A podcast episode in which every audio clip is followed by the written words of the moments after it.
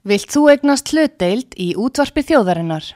Sendu tölvupóst á hlutabref at útvarpsaga.is eða ringdu í síma 533 3943. Útvarpsaga stendur vörð um tjáningafrelsið.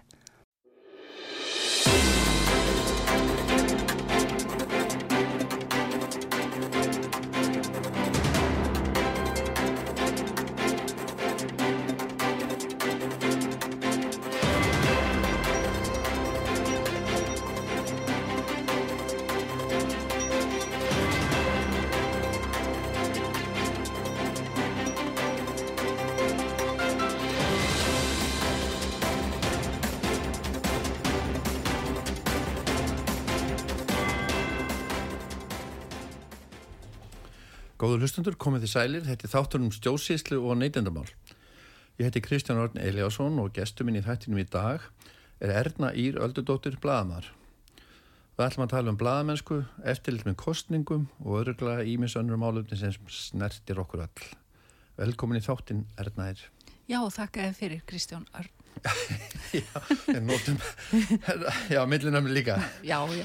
Já, já. Herðu, bladamennska, ef við ekki bara byrjað þar. Uh, hver er megin reglan í bladamennsku að þínum mati? Að mínum mati er megin reglan svo að almen, almenningur að rétt á upplýsingum sem að skiptir hann máli sem að, eða sem skipta hann máli. Þetta er í rauninni the public has a right to know. Þetta er mjög góð regla í bladamennsku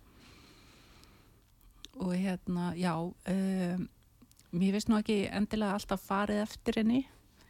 Um, við erum að sjá það núna uh, undarfærin ár og undarfærin missir eða það er ákveðni málaflokkar sem að varða almenning uh, fá óbúslega einhliða umfyllun og sá sem voga sér að fara út af harðlínunni með það að, að hérna þeir eru bara teknir í bakarið sko á, á al, algjörlega og ég er náttúrulega fengið að kynast í það en sjálf uh, eftir að ég fyrir nokkrum ára síðan að þá ákvæði ég að fjalla á gaggrinin hátt um uh, loftslagsmálin. Og það varði allt vitlaust. Og, það, og í rauninni sko í framhaldinu að, að þá er maður búin að sjá þetta gerast aftur og aftur. E, eins og þegar að hérna þegar að COVID kom og síðan bólefnin og, og núna úgrænustriðið og, og aftur núna Ísrael Uh, það er svona það er ekkert rými fyrir neginn sjónamið nema einhverja harlínu og þetta er orðið mjög óþægilegt. Það var eins og tökum skiptum sem bara í tvent hérna heima og ellendis hafa bladamann ekkert frelsi eða takmarka frelsi til þess að svona tjá sig og skrifa um það sem þeir verða vitnað og sjá Sko ég raunum á að segja eftir að Julian Assange var handtekinn og kastaði fangilsi þar sem hann uh, liggur nú og, og bara rótnar í rauninni þá má segja að, að hérna bladamennska og frelsi í bladamennsku hefur horfið á Vesturlöndum. Og það er í rauninni hlægilegt að tala um það í dag að, að fjölmilar séu frjálsir e, og það er, það er lægilegt þegar að þegar að vestrænir stjórnmálumenn og aðrir eru að, að hérna, reykja sér af, af frelsi og, og, og, og frjálsli bladamennsku og frjálsum upplýsingum um leið og þeir benda á löndi svo kannski Kína eða, eða Rúsland eða Íran og, og Norðu Kóru jafnvel, og eru að, að fordæma það. Það, það. það er bara hlægilegt í dag í rauninni mm -hmm. Um, hvað með sjálfaði? Hef, hefur þú, já þú er svona sem kannski sagt það, hefur þú verið skömmuð fyrir að draga fram önnu sjónahörn heldur en heldur en þessi mainstream eða þessi einsleitna fréttamanskar kannski? Já, heldur betur sko en, en en það er bara þannig þú veist þetta það að, að reyna að starfa í bladamenn sko einhverju hugssjón sko þannig að þannig að e, e, er kvast og vindasamt þar sko. En, en fyrir má nú vera segi, ég nú bara. Og, og mér langaði svolítið að segja frá því að, að ég ákvað í fyrra að e, fara sem bladamæður til e, að ferðast í, til Rúslands og uh, áður austur Úgrænu, núna hérna nýju líðvelda þar í Donbass til þess að fylgjast með þjóðaratkvæðagreislu bara sem bladamaður og, og bara sjá hvernig þetta færi fram, skilu, maður alltaf heyrst um eitthvað, já, bara rúsneskar kostningar og, og þetta er alltaf eitthvað plat og eitthvað svona og þá, þá bara best að fara og kanna málið bara frá fyrstu hendi. Maður hefur nú haldið að það væri starf bladamanna að gera, gera það fara og hérna komast að hinnu sanna og ég var það ofbáslega hissa þegar ég horfið upp á bara bladamannastjettina og rýtstjórnir bara í heilsinni á Íslandi bara leggjast á bakið bara og, og, og, og hérna lýsaði yfir eins og það var eitthvað digð að fara ekki á staðin og fylgjast með heldur vera heima og láta milja ofan í sig hérna einhverja frettir sko frá frettastofum leinithjónustu CIA og, og MI6 eins og það sé bladamennska skilur að hérna sitja bara í sófanum heima og, og þýða eitthvað sem kemur þaðan í staðan fyrir að fara og kannamáli sjálfur. Og ég hérna ég var opaslega hissa á þessu en, en ég ákvaði að fara og og verða reynslunni ríkari og, og ég var það en, en svo kom ég tilbaka og komst að því að það þorði ekki nokkuð maður að hafa samband við mig eða, eða taka um viðtal. Og samtlestu vitaðir ekki að þú hefði farið og það, Já, það kom viss. það í blöðum, það kom í... Já, það vissi það, það allir vegna þess að það var þarna stórkoslegt drama, Margreit Fridriksdóttir ætlaði að fara með mér sko, eða við ætlum að fara tvær og hérna það var þarna talsveit drama út af að einhverjum óskiljalegum ástæðum þá, þá vildi að Ísland er ekki setja töskunennar í handfarangur töskum er myndavel að búnaði. Og hérna og setna kom í ljós að það var ekkert að þessari tösku, hún var réttri stærð og allt það en, en, en og ég veit ekki hvar það mál allt er statt núna en, en ég fór allavega hann út og, og hérna ferðaðist uh, sagt, til Donetsk borgar til þess að fylgjast með þjóðratkvæðagreislunni og um, þetta, þetta var þetta var svakalega lífsreynsla náttúrulega. Að koma þannig þegar að fólk sko almenningur er að fara að kjósa. Maður getur ímyndað sér hvernig þetta væri á Íslandi. Og Donetsborg er við výlínuna þar sem að menn er að berjast. Það er að annars vegar um, Donbassliðar og, og rússar og, og hins vegar eru það hérna Úgrænumenn og NATO. Og uh, á, á þessum degi þá, þá fórum við og skoðum kjörstæði og uh, allan tíman þá var verið að sprengja borgina. Þá, þá voru NATO sprengjum ringdi yfir borgina og meðan að fólk var að reyna að komast á kjörstað. Það var alveg þetta var alveg svakalegt að sjá þetta sko, og við getum ekki ímyndað okkur hér hvernig það væri. En, en hérna þarna, þarna í fyrra sko, þá, þá var verið þá voru sérsagt Lugansk og, Donetsk að uh, þau voru búin að lýsa yfir sjálfstæði og þau voru hérna búin að hérna, lýsa yfir sjálfstæði sérsagt og, og, og kjósa um það og og aðgreiningu frá Úgrænu þannig að þess, þau, þessi tvö svæði voru að kjósa um sérsagt yngöngu í rúsneska ríkja, ríkjasambandi en þánga leitiðu skjóls vegna þess að, þau sérsagt þau hafa verið ofsótt af stjórnvöldum í kænu, kænugarði alveg frá 2014 Og, en í hinnum tveimur, hérna Kersson og, og Saporisí, þar var verið að kjósa um allt þrengt, sjálfstæðis yfirlýsingu, aðskilnað frá Úgrænu og uh, yngöngu í, í rúsneska ríkjasambandi. Um, það voru nú margir, eða svona, það var mikið hérna gargað um það að þetta væri falskostningar, en... Uh, þetta fólk var að kjósa á grundvelli sáttmála saminuðu þjóðana sem að segir að þjóðir sem að um, verð, eh, verða fyrir ofsóknum og, og í rauninni þjóðurnishensunum og uh, er mismunað að sínum stjórnvöldum að þau hafi rétt til þess að, að lýsa yfir sjálfstæðu og, og verða sjálfstætt ríki. Og afstafa Íslands í þessu máli kom mér mikið og óvart vegna þess að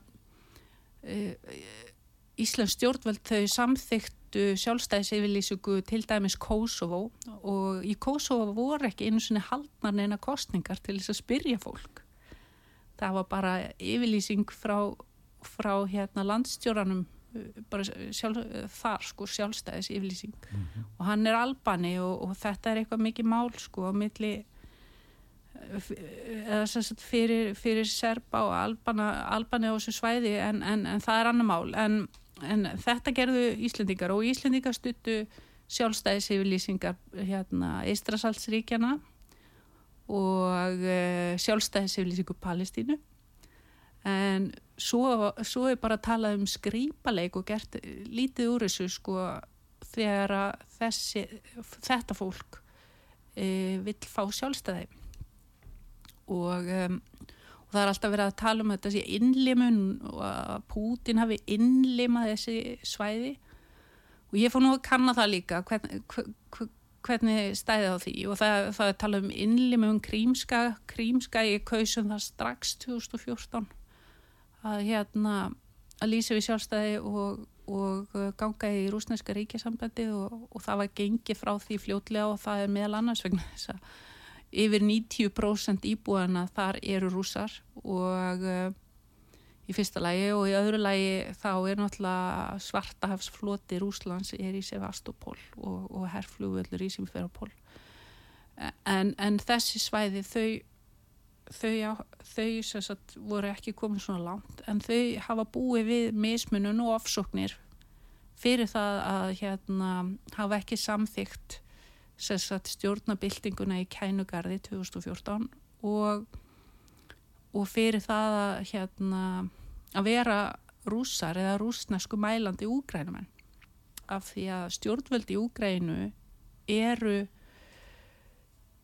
þetta er ekki góð stjórnvöld, þetta eru uh, þjóðarnis oft, ofstækismenn sem að hérna sæta sig ekki við að aðrir en, en uh, svo einhvers konar reynir úgrænum en sem tala úgrænsk, úgrænsku og, og hérna og fylgja þeim siðum og, og styðji þetta valdarán sem að var 2014 þeir sætta sig ekki við neitt annað sko. Og þessi svæði þeim hefur verið mismunað allan enna tíma og og það var svakalegt að sjá sko í, í Rúslandi er, er mikil uppbygging og velmögun og svo kemur maður þarna yfir og það er allt í niðuníslu en, en þegar ég kom hann yfir þá var ég líka hissa sko þegar ég kom yfir til Donetsk þá var ég rúslega bara inn á svæði sko ekki borgina heldur í, bara þetta, inn á þetta svæði að, að það voru sem sagt bílarnir voru allir skreitir með rúsneska fánanum og fólk skreiti húsin sín og allt með rúsneska fánanum og Donjæs fánanum. Það var mjög mikil stuðningur aðna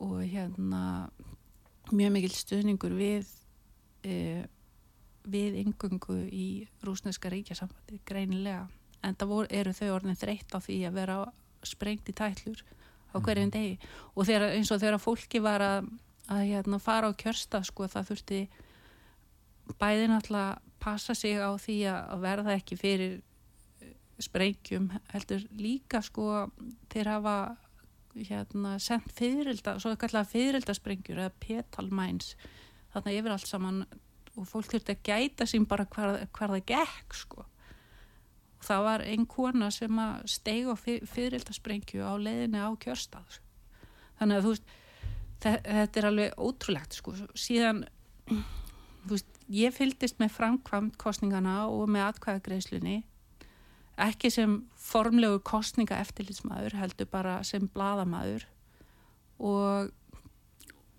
og þetta, þetta var ótrúlegt hvað var hægt að gera þetta vel miða við aðstæður sko mm -hmm. um, Talaði það við fólk? Já, ég talaði við fólk og sí, en ég í rauninni hef ekki þórað að byrta mikið að efni uh, út af því að hérna fólk verður fyrir ofsóknum og riðverkum fyrir það að hafa tekið þátt í kostningum og hérna þannig að hérna og, og síðan sko þegar ég fór að náta voru höfður úsar tekið stærra svæði en svo mistu þeirra aftur og ég veit að, að fólk var ofsótt af úgrænsku öryggislauruglunni fyrir það að hafa tekið þátt í kostningunum þannig að var rétt hjá mér að, að, að geima efnið aðeins. Vegna þess að það er svakalegt að vera með eitthvað efni í höndunum og maður hugsa með sér ef maður byrti það þá gæti einhver orðið fyrir ofbeldi í framhaldinu, skilju. Þú er bæðið með nöfn og myndir þá eitthvað slikt. Já. Já. En, en, en síðan fór ég aftur núna að, og, og það er náttúrulega rámt sagt frá þessi fjölmilum á Íslandi. Það var merkilegt að það voru margir sem að skrifa um það að ég og Konrad Magnússon hefðum farið en það hefði aldrei neitt samband við okkur. Og eins og morgumblæðið skrifaði end, endutekið frettir um þetta mál bygg, og, og byggði það á rungum upplýsingum og rungum fórsetum og hafðu aldrei samband við mig eða Konráð til þess að spyrja okkur. Og þetta er náttúrulega þetta er náttúrulega brota á öllum reglum í bladamennsku að fjalla endutekið um einstaklinga án þess að hafa samband við þá gera mm. enga tilrönd til að hafa samband við þá. Það, eh, það var sagt frá því að við hefum farið í bóði rúsneskra stjórnvalda sem er ekki rétt í fyrsta lagi og í öðru lagi að við hefum hérna, stunda kostninga eftirlit við vorum ekki að stunda neitt formlegt kostninga eftirlit okkur var bóðið þess að segja að e, borgara skrifstofa Rúslands sem er Civil Chamber of Russian Federation bauð okkur að koma til að fylgjast með kostningunum. Uh, fyrir ekki, uh, já, var þetta ekki bara opið? Bauðun ekki bara fólki að koma almennt og hvað þið sóttu þá um eða, hvað, eða, þið, eða bauðun ekkur sérstaklega? Sko, við vorum búðinn og ég átti nú alls ekkit vona á þessu en, en í, í fyrra var það sem sagt kostningasjóður þessara þessara eh, ríkja í fyrrum Östur-Úgrænu mm. sem að bauða okkur en ekki rúsna stjórnvöld. Það var vittlust satt frá því fyrra. Og að það náttúrulega hafði engin samband við mig þá heldur og spurði neitt út í þetta. Um, síðan aftur núna þá er þessu bara haldið fram að rúsneska ríkið hafi búið okkur og síðan, eh, og, og, hérna, og síðan er því haldið fram að við höfum stunda kostninga eftirlit formlegt sem er ekki rétt og, og til dæmis morgumblæði gerði það á grundvelli þessara vittlesu fer morgumblæði að hafa samband við utaríkisráðunitið og bandaríska sendiráðið og sendinemd ESB til þess að hérna og, og veifa framann í okkur sko einhverjum hótunum frá erlendu ríkjum um bannlista og annað. Og mér finnst bara mjög óeðlilegt að, að annars vegar sko utaríkisráðunitið og og hins vegar fjölmilar á Íslandi séu að, veifa hótunum erlendra ríkja framann í íslenska ríkisborgara sem að í rauninni er ekkert að gera afsinnum að bara ferðast og skoða þessu um í heiminum ha, og, og, og, og í rauninni stunda það sem að þeir ætti að vera að gera sjálfur, bladamennsku Ég sé hérna á vísi.is hérna, þetta nú, hvernig var þetta? Þetta hefur verið 15. september bara núna, þetta stöttu Utanengisáðandi segir ekki útlokkað að Erlend ríki muni grípa til aðgæra gegn tveimur íslingu sem tóku þátt í kostinga eftir í Kessun á dögunum. Einu þar að svæða sem russar hafa hernum í Júkrænu. Já, þetta er náttúrulega, þetta er, þetta er bara bull vegna þess að þetta er ekki rétt og það er enginn sem hefur samband við okkur til þess að kanna hvort, hvort þetta sé rétt eða hvað við hefum verið að gera. Og mér finnst það svolítið merkilegt. Hvað er, er menn bara að búa eitthvað til? Og, og hvers á ekki, á ekki líka utaríkisráðuneti Íslandinga að standa vörðum sína eigin borgara í staðan fyrir að hóta þeim með erlendum hótunum um einhverja bannlista?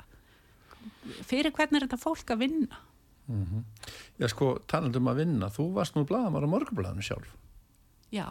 Og ég hef maður skildun að halda að það myndur nú hafa samband við sko Já, mér langar bara að segja við þá ég er ennþá með sama gamla númerið. Já, það er sama síma númerið Já, það er og svo, svo þannig að þetta er náttúrulega bara aldrei lægilegt og mér finnst þetta svona, mjög afhjúbandi fyrir í rauninni hvernig fjölmilar á Íslandi starfa í dag og, og hérna og svo er annað sko hérna, ég veit ekki sko rítstjóri, aðstóða rítstjóri morgublassis Andrés Magnússon hann er búin að vera með úgrænska fánan í prófilmynd á Facebook alveg frá því að átökin eh, hófust í februar og, og, og þetta er eitthvað svona já er þetta, er þetta hlutleysið í bladamennskunni eða er, byrtist það svona með einhverjum fánum að vera búin að merkja sig einhverjum málstað og, og á maður síðan að taka mark á því sem að byrtist ég er svona, það er einhver svona hnignun í þessu öllu saman og minnst sérstaklega leðilegt að sjá morgublaðið fara þessa leið út af því að þetta er, þetta er nú elsta blað okkur og, og, hérna og morgublaði er það er ákveðin gæðasti byll á því sko. Þannig að, þannig að ég var fyrir dálum ombröðu með þetta ef ég á segið svo er. Já. En þú ert eh, náttúrulega hefur hugsað hugsaði kannski bara að skrifa bók um þetta, það ertu með efni í bók? Þú ert búin að fara hvað sér, tværferðir þarna út? Já, sko, núna uh, var, voru við búin til þess að fara og fylgjast með almennum kostningum. Það voru sérst kostningar í öllu rúsneska sambandinu og var kosið til sveitastjórnar og, eh, og, og, og sérst landstjóra. Og uh, við ferðumst til Krímska fyrst og það er bara allt í blóma. Það er verið að byggja hérna hraðbröytir og hérna mikill uppgangur þar. Uh, en það krím náttúrulega búið að vera hluti á rúsneska ríkjasambandinu síðan 2014 en, um, en svo komum til Kersson opbúrslega mikil fátættar og, uh, og svona það hefur greinlega ekkert verið gert á þessu svæði bara síðan að Sovjetrikinn fjallu sko, bara likku við það er bara ekkert. Og Það hefur bara verið vannrekt þá? Já, já, algjörlega.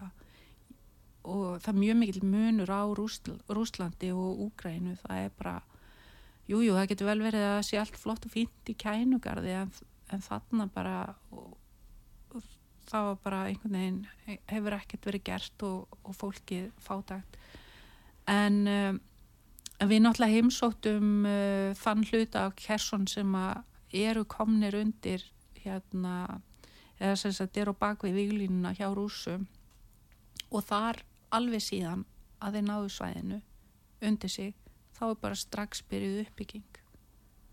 Mm -hmm. Ef við kannski bara taka, ef við ekki bara fara í hér núna og koma svo öttur Já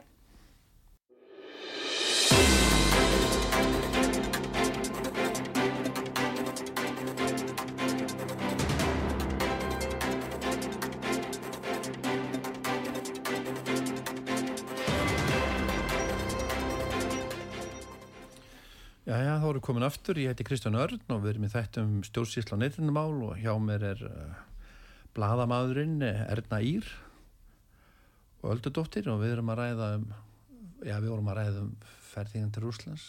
Já, um, Við fórum í Öluskarlið. Já, Kristján. Ég, já, hérna, já, já, sagt, ég ætla að klára frá, að segja frá því þá þegar ég fór til Kersson sko, það náttúrulega það var, það var eitt fjölmiðil sem að reynda að hafa samband við mig, það var DFF en ég gæti ekki svarað af öryggisátur ástæðum í nokkra daga. Það var náttúrulega þurfti að vera mikið öryggið þarna. E, í, í Kersson þá hafi mikið verið reynd að, að skemma fram, framkvæmt almen, almennra kostninga sem voru þar. Og um, og við skoðum fimm, fimm kjörstaði á sveinu og við fengum að vita þá eftir á að annar kjörstaðurinn, kjörstaður nr. 2 sem við heimsóttum, það hefði verið gerð dróna ára á sáan en það voru tveir drónar og á meðan við vorum þar og, en það var varnarkerfin náðu þeim og það, það er ræðileg tilöksun vegna þess að á þessum kjörstað og í, í Rúslandi þá er það þannig að fólk það klæðir sig upp og mætir með börnin og gamla fólkið og, og hérna þá eru svona blöðurur og svona hátíðastemming og, og matur og, og svona og sóla gott viður og við erum ekki hugmynd um þetta og svo fengum við að vita þetta daginn eftir. Og, og maður var svona í ákveðinu sjokki sko eins og ég er að segja, fólk er að reyna að yfka líðræðislegan rétt sinn til að kjósa og, eh, það er ráðist á því umbóði NATO og Vesturlanda með umbóði Íslands. Það er verið að ráðast á að reyna að sprengja og dreipa fólk sem er, er að kjósa. Og þetta er, þetta er ótrúlegt sko.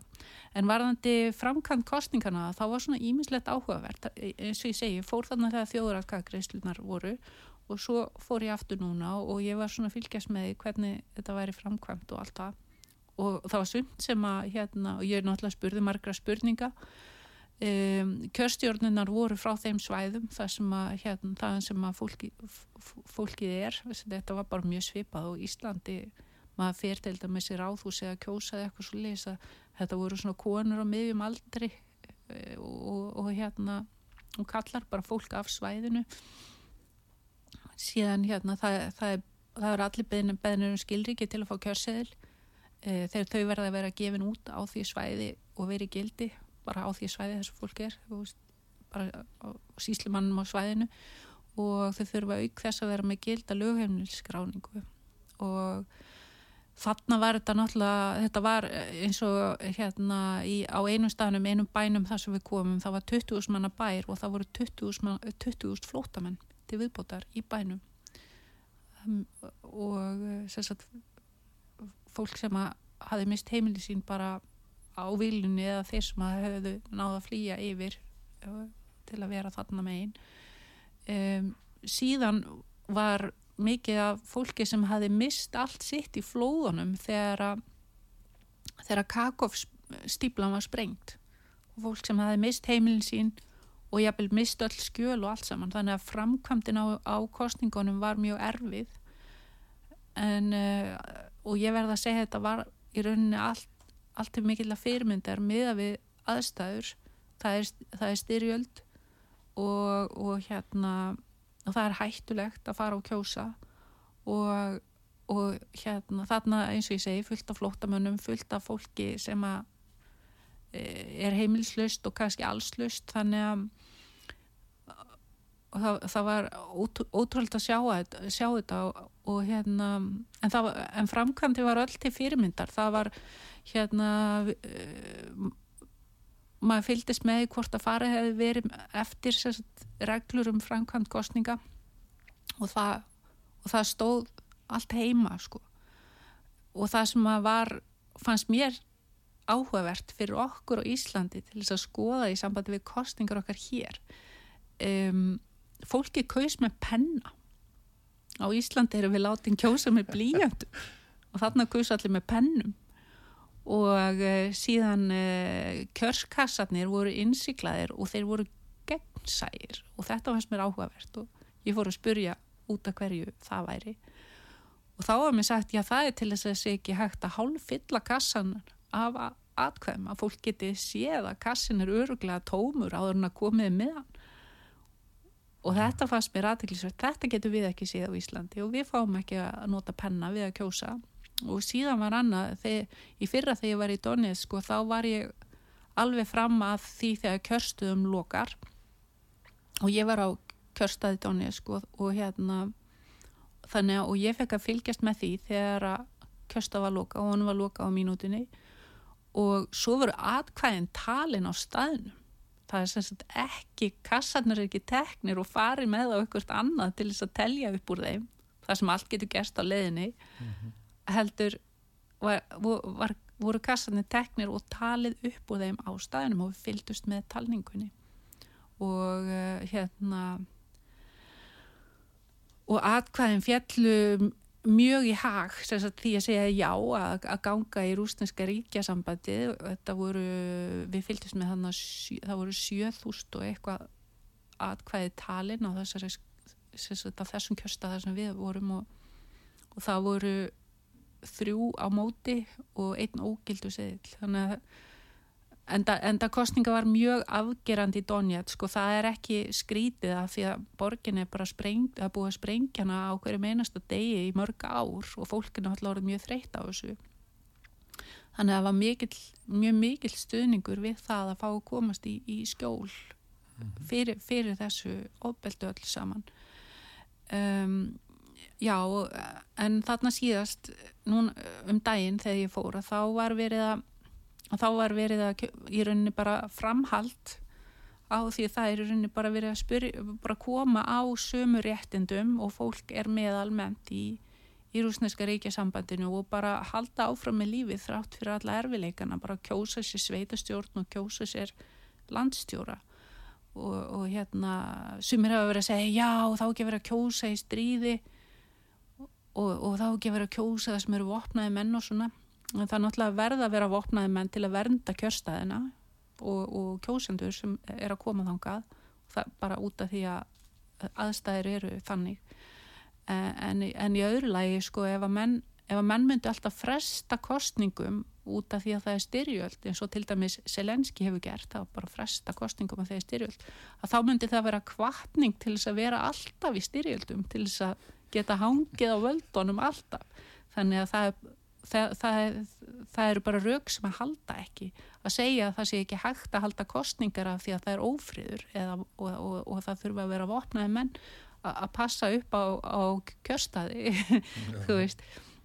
Þannig að hérna já, þetta var þannig. Og svo, þetta var náttúrulega eins og ég segi, þetta var hættulegt og maður þurfti að passa sig og það var ekki hægt að vera í sambandi við neitt og svona og maður þurfti að, að fara mjög varlega en hérna og ég var spurða því síðan þegar við komum aftur til Moskvu sko vorum hann í Civil Chamber þá var ég spurja, spurða því hvers vegna ég sem er frá Íslandi sem er NATO-ríki hvers vegna ég væri komin þarna ekki einu sinni heldur tvísvar þetta er náttúrulega erfitt og hættulegt að standa í þessu og kannski ekki beint vinsalt hérna heima hjá mér heldur að þá þá sagði ég bara að, að við Íslandingar værum ekki búin, búinir að gleima því að Sovjetríkin voru fyrsta ríkið í heiminum til þess að samþykja sjálfstæði Íslandinga og það er eitthvað sem að ég personlega mun aldrei gleima mm. og það, það er mjög leiðilegt hvernig stjórnvöld á Íslandi hafa farið með sko aldagamlan vinskap við Rúsland Rúsland og áður Sovjetríkin hafa alltaf verið fyrst til þess að koma okkur til aðstofar eða bjóðast til að til að koma okkur til að, aðstofar vegna þess að hagsmunir Íslands og, og til dæmis bandaríkjan og Breitlands þeir fara ekki alltaf saman. Þó, þó bandaríkjaman séu vinnir okkar og ég hef nú ekki endilega kalla breyta vinn okkar þegar nú endur teki gert okkur óskunda og, og, og í rauninni ráðist á Ísland. Og það er nú ekki lengra síðan en 2008 að, að, að þá hafa rússar alltaf staðið með okkur. Mm. og, uh, og það er mjög leiðilegt hvernig, hvernig fólk hefur látið sko, og, og það er ósvinna að auðaríkisráð þeirra skuli hafa rekið sendiherran rúsneska sendiherran úr landi. Eh, þetta er þetta er hræðilegt og, og, og líka vegna þess að núna er heimurinn að breytast mjög hratt og við vitum ekki hvernig þetta fer allt saman en, en það er að verða til ný, ný viðskiptabandalög og ný tækifæri. Það er mikil, mikil tækifæri núna í, í Asíu og Afríku og Suður Ameríku og þessi lönd er að mynda viðskiptabandalög og þarna verða stærstu markaðir heimsins. Og þessi ríki sko þau hafa ekki áhuga á, á öllum þessum leiðendum þetta er fólk sem að vil bara fara fulla ferð áfram inn í framtíðina í uppbyggingu og samvinnu. Mm. og, og hérna og það er leiðilegt ef að Ísland allar að kasta frá sér alltaf gömlu vin, vinskap og, og líka tækifærum sem er að verða til þarna í, bæði núna og í framtíðinni Ég sé hérna Twitter hjá auðvitaðningsaðra Þórtísi Kolbrundur Reykjavík Gilvardóttur og segir annan júni í fyrra á endanum með þetta stríða stórum hluta um þau gildi sem við eigum allt undir að séu ofan á í samfélagi þjóða. Það sem alþjóðlu lögu eru virt, það sem landamæri eru virt og lögsa Úkræna þarf að vinna þetta stríð. Það hafið þú svarað að Rúsland var veina þjóð okkar, þetta er ríkisvöldin á hvað annað. Já. Hefur þið fengið viðbröð við þessu?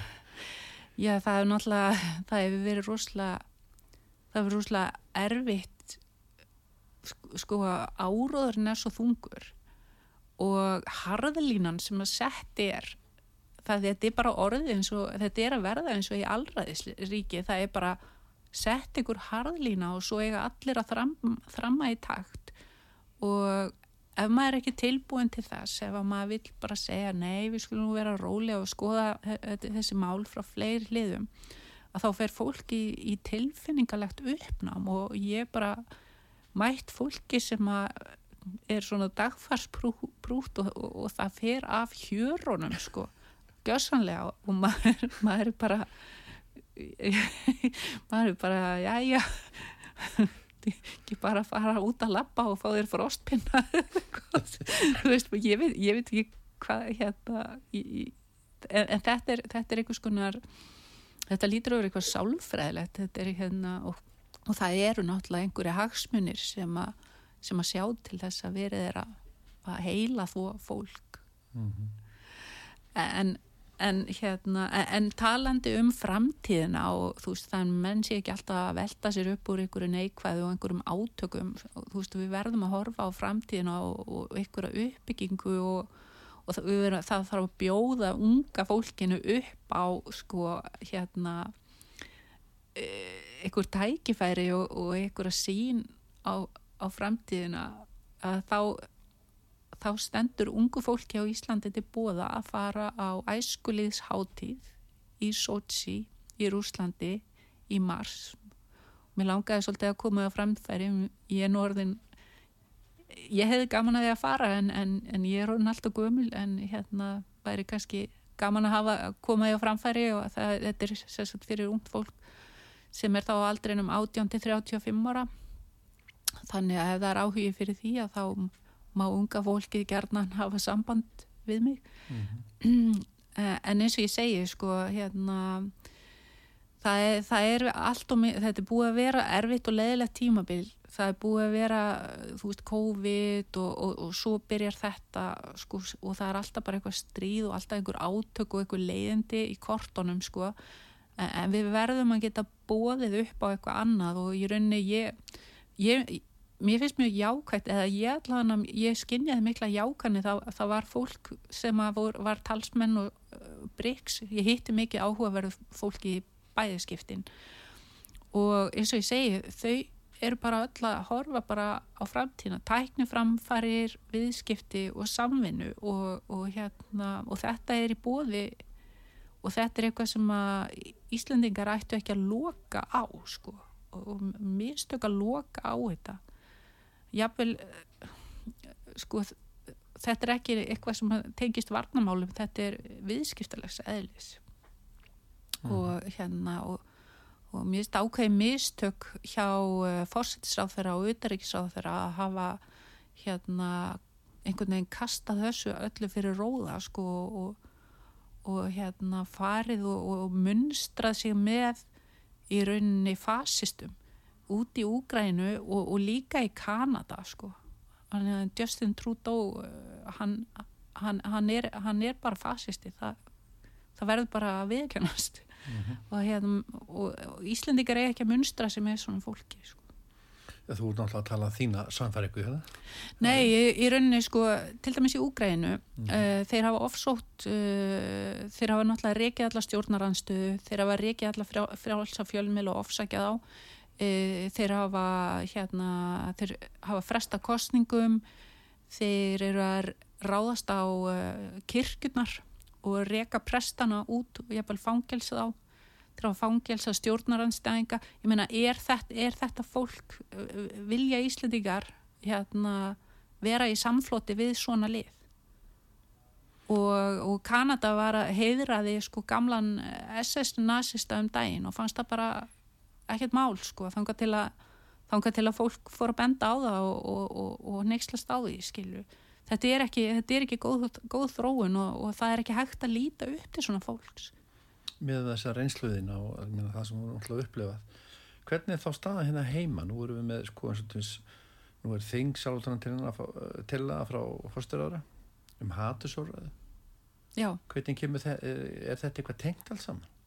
Er verið að, þakka nýri fólki? Er eitthvað þöggun í gangi? þetta er árás á tjáningafrelsið vegna þess að núna, núna hat, hatursorður að þetta er, hvað er þetta ekki, komið Já. þetta er náttúrulega bara, það er verið eh, sko, við sem frjálst og opið líraðisíki, við erum bara on a highway to hell, sko og sem dæmi þá langar mig að taka að hérna að e, man ekki hvort að 2020 eða eitthvað þá eða 21 eða 2 þá ég man bara eftir þessum tölum sko, þá voru hérna e, þá voru 42 ákerðir í Rúslandi fyrir hérna tjáningu en 3800 manns í Breitlandi eða hvað sem var veist, og breytar eru helmingi færri en rúsar og svo eru menn að benda á Rúsland og segja að það sé ekki frjálst ríki gott og vel en, en hérna að menn verða að fá að- standa sér betur til þess að þeir hafi sko einhvern hvernig maður maður að segja orða þetta high ground til að standa á og benda fingrum. Er það ekki? Ég veit að nefna áðan hérna með rétt fólksins til þess að kjósa og rétt fólksins til þess að koma sér kjósa sína fulltrúa slíkt. Að, það er með sko Björg Tóransen, hæstarættadómari, hún náttúrulega uh, kendi í Háskólu Íslands og uh, professor þar og skri, hefur skrifað fullt af bókum og stó, til dæmis bókum stjórnskipunar rétt uh, sko þar er mynd nefnum og þetta hún er enda að tala um kenningar sko, að, að, að, að það kemur að því að fólki vil kannski bara skipta um, um hérna um, um þá sem er að fara með þeirra, þeirra málefni og vilja þá kjósa. Og þá á fólk bara rétt að því að gera það óskorað þó það kosti byltingu. Já, ég, það er náttúrulega ekki hægt að, ég mæli ekki með neinum byltingum, ég hérna mæli bara með því að, að fólk gerir breytingar hægt og rólega og við bara förum eftir, þú veist, við, við bara förum eftir í raunni lögum og reglum, ég meina eins og mér skilst að auðaríkisráð þeirra hafi einu svona sko farið með það þess ákvörðunum að reka sendi herra Rúslands úr landi fyrir auðaríkismálan eða neitt. Þetta er bara svona, þetta er svona gerraðislega ákvörðun, sama gerir Svantíð Svavastóttir þegar hún ákveður að banna kvalviðar í sumar. Þetta, þetta, er svona, þetta er orðið svona fasist, það er ekki verið að, ekki verið að virða hérna stjórnsýslu reglur eða hefðir líðræðisins það er, einhver, það er engin ótti við afleðingar það er svo að sé ekki sko fólk vilist ekki óttast afleðingar á gjörðum sínum eða, eða það sé eitthvað svona að það þurfa að sæta eitthvað ábyrð ekki eins og einn pólitísk ábyrð Nei, það var nú samt eitt sem að ákvaða að gera það. Bjarni Benediktsson. Honum, honum tókst að standa upp úr ráð, ráðherrastólnum hérna, og, og gera það með reist eftir að hann fekk aðtöðasemt frá umbús með manni, alþingis svo getum við, svo má náttúrulega endalust rífast um það hvort að hérna, aðtöðasemtin hafa átt rétt á sér eða ekki en það er bara annar mál, hann ákveður bara hann ákveður að fara þarna eftir þessu. En svo eru aðrir ráþeirar sem að sitja sem fastast og sína ekki á sér neitt farasnið þrátt fyrir að hafa brotið lög eins og til dæmis Svandi Svavarsdóttir gerði og eh, já, einhverju fleiri hafa gert. Mm, Jó, svo að spyrja þá, er, er kannski Bjarni, er þetta einhver leikur í lengri skák, er hann kannski að, að búa til eitthvað fordami fyrir Svandísi og, og, og svo, e, e, svo annað, finnst þér rétt að, að ráðara sem segir af sér, eins og Bjarni, fjármálara, segir af sér, finnst þér rétt að hann taki um, aftur sæti í ríkistótt sko, sem einhver annar ráðara, hann bara taki aftur stöðu sem ráðara, hann er náttúrulega búin að það varð ákveðin brestur þarna og hérna domgrindaleysu skulum við kalla það og er þá bara hægt að skipta um embati og, og hérna byrja bara nýtt. Já, sko þessi, þessi ríkistjórn er bara hún er orðin rosalega eitthvað sveitt og þreytt og þetta er með svona miklu leiti sama fólki og var í ríkistjórnun og undan. Og, og, og þau voru með COVID og, og bólefnin og, hérna svo eru þau núna einhvern veginn þeim tekst ekki að gera neitt. Veist, eins eins og ég verið að hugsa til dæmis við Íslendinga borgum, mjög mikið af, sköttum og gjöldum eða allavega hérna, margir þurfa að gera það. Og það er allt hérna skatlagt og í, í, drasl sko. Og samt hefur ekki einhvern veginn ekkert að fá neitt fyrir peningana sko. Þú veist eins og þegar ég var úti þá var verið að byggja brýr og hafnir og hraðbrautir og, og það var verið að gera fullt af hlutum. Hvað hefur við, þú veist hvað er búið að taka langa tíma að byggja þennan spítala, eitthvað 15 ári eða eitthvað og, og hvað á að taka 15 ári viðbúið að klára hann? Ég meina í Marjampól til dæmis borg þarna í, í, í hérna úti í, í Don, Donetsk hún var náttúrulega lagðist að hluta til eða miklu leiti í rúst í stríðinu eins og við vitum. Það, þeir, þeir eru bara langt komni með að endurbyggja allavega hérna og, og ég ætlaði ekki að trúa þessu þegar ég sá myndir og myndbösta þess að ég hugsaði með mér þetta lítur nú að vera eitthvað plat, bara einhver auglýsing. En svo voru hann að tveir bandaríkja menn og eitt þjóðveri sem að voru hann í hópnu með mér þeir voru sendið til Mariupól og þeir komu bara gapandi tilbaka og síndi með myndir og símanu sínu þannig að þetta er allt rétt. Þannig að menn eru bara að taka sér til og, og, og hérna gera hlutina. Hér er einhvern veginn ekkert gert það er, það er ekki byggðar virkjanir það er ekki byggðar brýr, það er ekki byggðar hafnir eða flugvellir eða neitt. Hva, hvað er verið að gera við allan peningin akkur, akkur eru við ekki að fá neina innvið akkur eru ekki verið byggt neitt svona að viti hérna í, á, mörg ári eða ára tíu hvað er verið að gera við þessa peninga? Þú veist, í hvað ferir þetta allt saman? Já, var ekki svo dýrt? Var ekki í COVID tímabilið dýrt? Allir þessi styrkir og, og... Já, en sko til hvers voru þessi styrkir? Það er náttúrulega þurft, átti ekki að þurfa að loka neinu. Mm -hmm. þetta var bara þetta var í rauninni bara ofbeldi sem að átti sér engi fordæmi sem að þjóðum að beitt með þessum COVID-reglum og, og síðan var fólk kúa til þess að fara í spröytur með einhverjum tilraunafnum sem að verðist vera að koma á daginn að sé, séu hérna valdi ymsum kvillum og, og jáfnveil dauða. Og, og, og allar engin að sko standa skil og þessu einhvern veginn eða svara fyrir þetta. Svara fyrir hennar trilling og þetta brjáleði og sem er rekið áfram af fjölmiðlum, ég ætla nú að skamma fjölmiðla líka. Þú veist, e, e, hérna mér svo skrítið hvað fjölmiðla bladamenn og rittstjórnir eru rænulöysir einhvern veginn að hérna, láta nota sig í svona áruður og, og þetta, þetta er alveg þetta er lægilegt en líka sorglegt. En hvað er þetta? Hvað, hvað, hvað, býtu, er þetta sko, ég er á stundum að velta fyrir mig er þetta bara er stjórnsýslan eða semst, semst svei, ríkið, sveitastjórn eru er, er svo margir að vinna hjá hennu og ofnverða á sveitafjörðum að er, er þetta eitthvað ræðsla við að komin einhver hræðsla? Er, er þetta einhver svona reysa þöggum bara fólk hlýðir?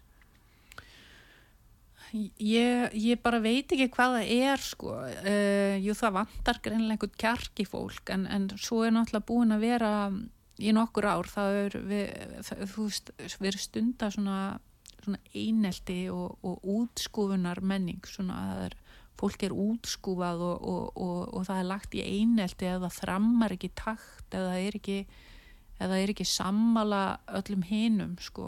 Þetta er þetta, þetta er ekkert það er ekkert aðdánavert við þetta þetta er algjörlega glatað sko og hérna já, fólk er refsað fyrir að hérna taka sínar eigin ákvarðanir og skera sig eitthvað úr sko það, er þannig mm -hmm. Við eigum einhverja örf á mínur öttir, eigum við að fara í loslagsmálun eitthvað? Heyrðu, já. Eitthvað svona sem þú vilt ræða? Já, já, það er nú gaman að segja frá því að það hefur ekkert línað það er bara ég hérna í einhverju brjóna beisu það er orðið bara nokkuð kallt á ekki að snjóa á morgun. Já, það er að snjóa í dag. Já, já hamfara línuninn hinn marg bóðaða hamfara línun hún lætur á sér standa og, og bara alveg eins og maður vissi. Og, og hvað ætla allir þessir hérna svo kallu sérfræðingar sem að kemur á daginn að eru í rauninni einhvers konar gerfi, þetta eru svona gerfi vísindamenn og e, þetta er fólk sem hefur rauninni bara fyllt einhverju pólitískri stefnu af, af ofstæki sko. Og, og það það stendur ekki steinni við steini í þeirra málflutningi. Og uh, það er að koma á daginn. En í staðin er búið að hneppa þjóðina í, í þrældóm uh, skatta og, og, og eftirlits og, og hérna og í bans, ég held að ég banna fólki að eiga bensín og, og díselbíla eftir 2030 það ekki? Já, ekki. en, já, en allavega sko uh, hver, þú veist í hvað fara peningarnir? Er verið að kasta þeim út í vindin og vona, vonast til þess að, að, að, lofslægi breytist? Eða þú veist hvað verður um peningarna hverjum erum við að borga? Erum við að borga einhvers konar veður guði? Eða þú veist hver fær þessa peninga til umráða og til að eða þeim við erum að við einhvern veginn, við vitum ekki sko ef, ef við borgum nógu mikið pening er, við, er veðrið þá að fara að breytast? En að ég skil ekki ennþá af hverju fólk var tilbúið að taka þátt í þessu en núna setjum við uppi með afleðingarnar það er búið að neppa íslensku þjóðina í þrældóm, við þurfum að borga 10 miljardar í einhverja loftslagssektir. Hver fær þennan pening? Uh, og uh, og í ofanalag þá þarf fólk að fara að kaupa sér nýjan bíl og það þarf að taka á, á, sig alls konar skildur og eftirlit og borga fylgta peningum þetta er bara, þetta er, þetta er þrældumur Eru menn að greiða fyrir einhvers, einhvers konar synda? Er þetta eitthvað syndaaflöst? Er verið að greiða fyrir eitthvað sem að sko, þú getur ekki lagað? Já, ég menna fólk, Ef það er, þar að segja. Já, þetta er eins og aflátsbreyfin í gamla dag og, og hérna mér finnst í rauninni sko að vístamenn og há, háskólamenn og svona fólk sem að þykist vera sérfræðingar sem að hefur trommað þetta upp og trommað þetta áfram og líka stjórnmálamenn þetta fólk að bara segja af sér.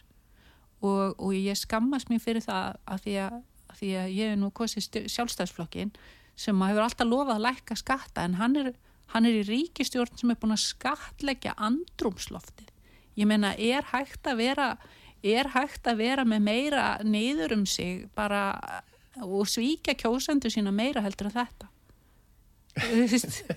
nei, ég, ég alveg talað sko Það, það, ég, já, það er, ég þarf að hugsa mig um. ég, hérna, ég veit að þetta er fyndið en, en svo, er þetta bara Já, já. Herðu, er eitthvað svona að lókum?